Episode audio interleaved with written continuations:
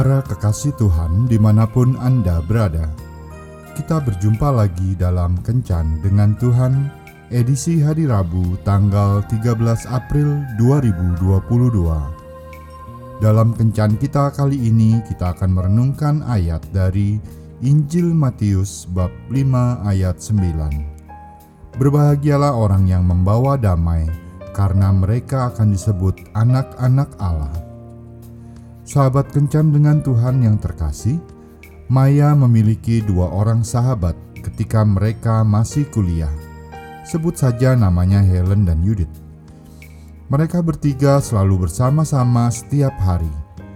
Maya dapat merasakan pengaruh yang berbeda dari kedua temannya. Perbedaan itu terletak pada kebiasaan mereka. Jika Helen sudah masuk ke kamarnya, suasananya pasti selalu memanas. Melihat dia berjalan dari kejauhan, Maya sudah dapat memastikan bahwa kedatangannya pasti disertai dengan berita-berita yang akan membuat kuping dan hatinya menjadi panas. Helen suka bercerita, sehingga sering kali Maya merasa terganggu ketika sedang belajar atau mengerjakan tugas-tugas kuliah. Topik ceritanya berkisar pada kelemahan dan kejelekan orang lain. Helen juga tidak pernah lupa menyampaikan perkataan-perkataan negatif orang lain terhadap Maya, yang kalau ditanggapi pasti menimbulkan pertengkaran dan perselisihan antara Maya dengan orang yang mengatakannya. Setiap kali Maya memberikan reaksi negatif terhadap Helen, seperti marah, Helen kelihatannya senang. Maya melihat ini sebagai satu sikap dan kebiasaan yang tidak baik di dalam diri Helen, sehingga ia pernah menegurnya mengenai hal ini. Lain halnya dengan Judith. Dia mempunyai kebiasaan yang jauh berbeda dengan Helen. Kata-kata Judith seperti aliran air yang menyejukkan. Judith selalu berusaha menciptakan suasana yang penuh damai dengan perkataan-perkataannya. Ya sudahlah, mungkin dia tidak sengaja, atau barangkali ia tidak bermaksud seperti itu. Mendengar kata-kata Yudit yang demikian, mau tidak mau hati Maya menjadi lebih tenang. Melalui persahabatannya dengan Yudit, Maya belajar bagaimana menjadi pembawa damai bagi orang-orang di sekelilingnya.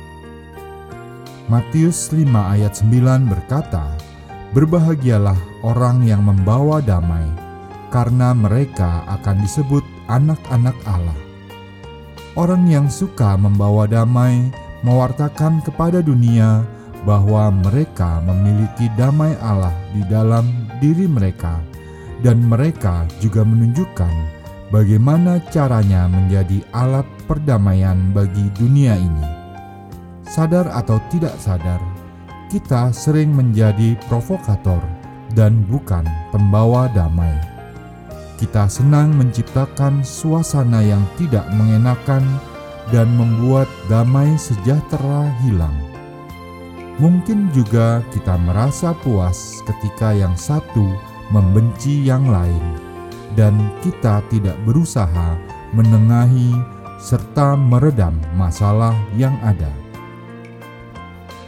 marilah kita belajar menahan diri, mengendalikan setiap tutur kata, bahkan seluruh tindak tanduk kita, dan tidak perlu menjadi pembawa berita yang hanya menciptakan perselisihan dan perseteruan.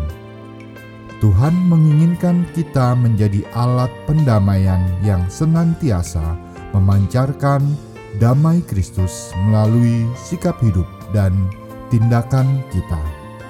Tuhan Yesus memberkati. Marilah berdoa. Tuhan Yesus, aku rindu menjadi pembawa damai-Mu di tengah-tengah dunia ini, agar di mana pun aku berada, semua orang merasa tenang dan damai. Amin.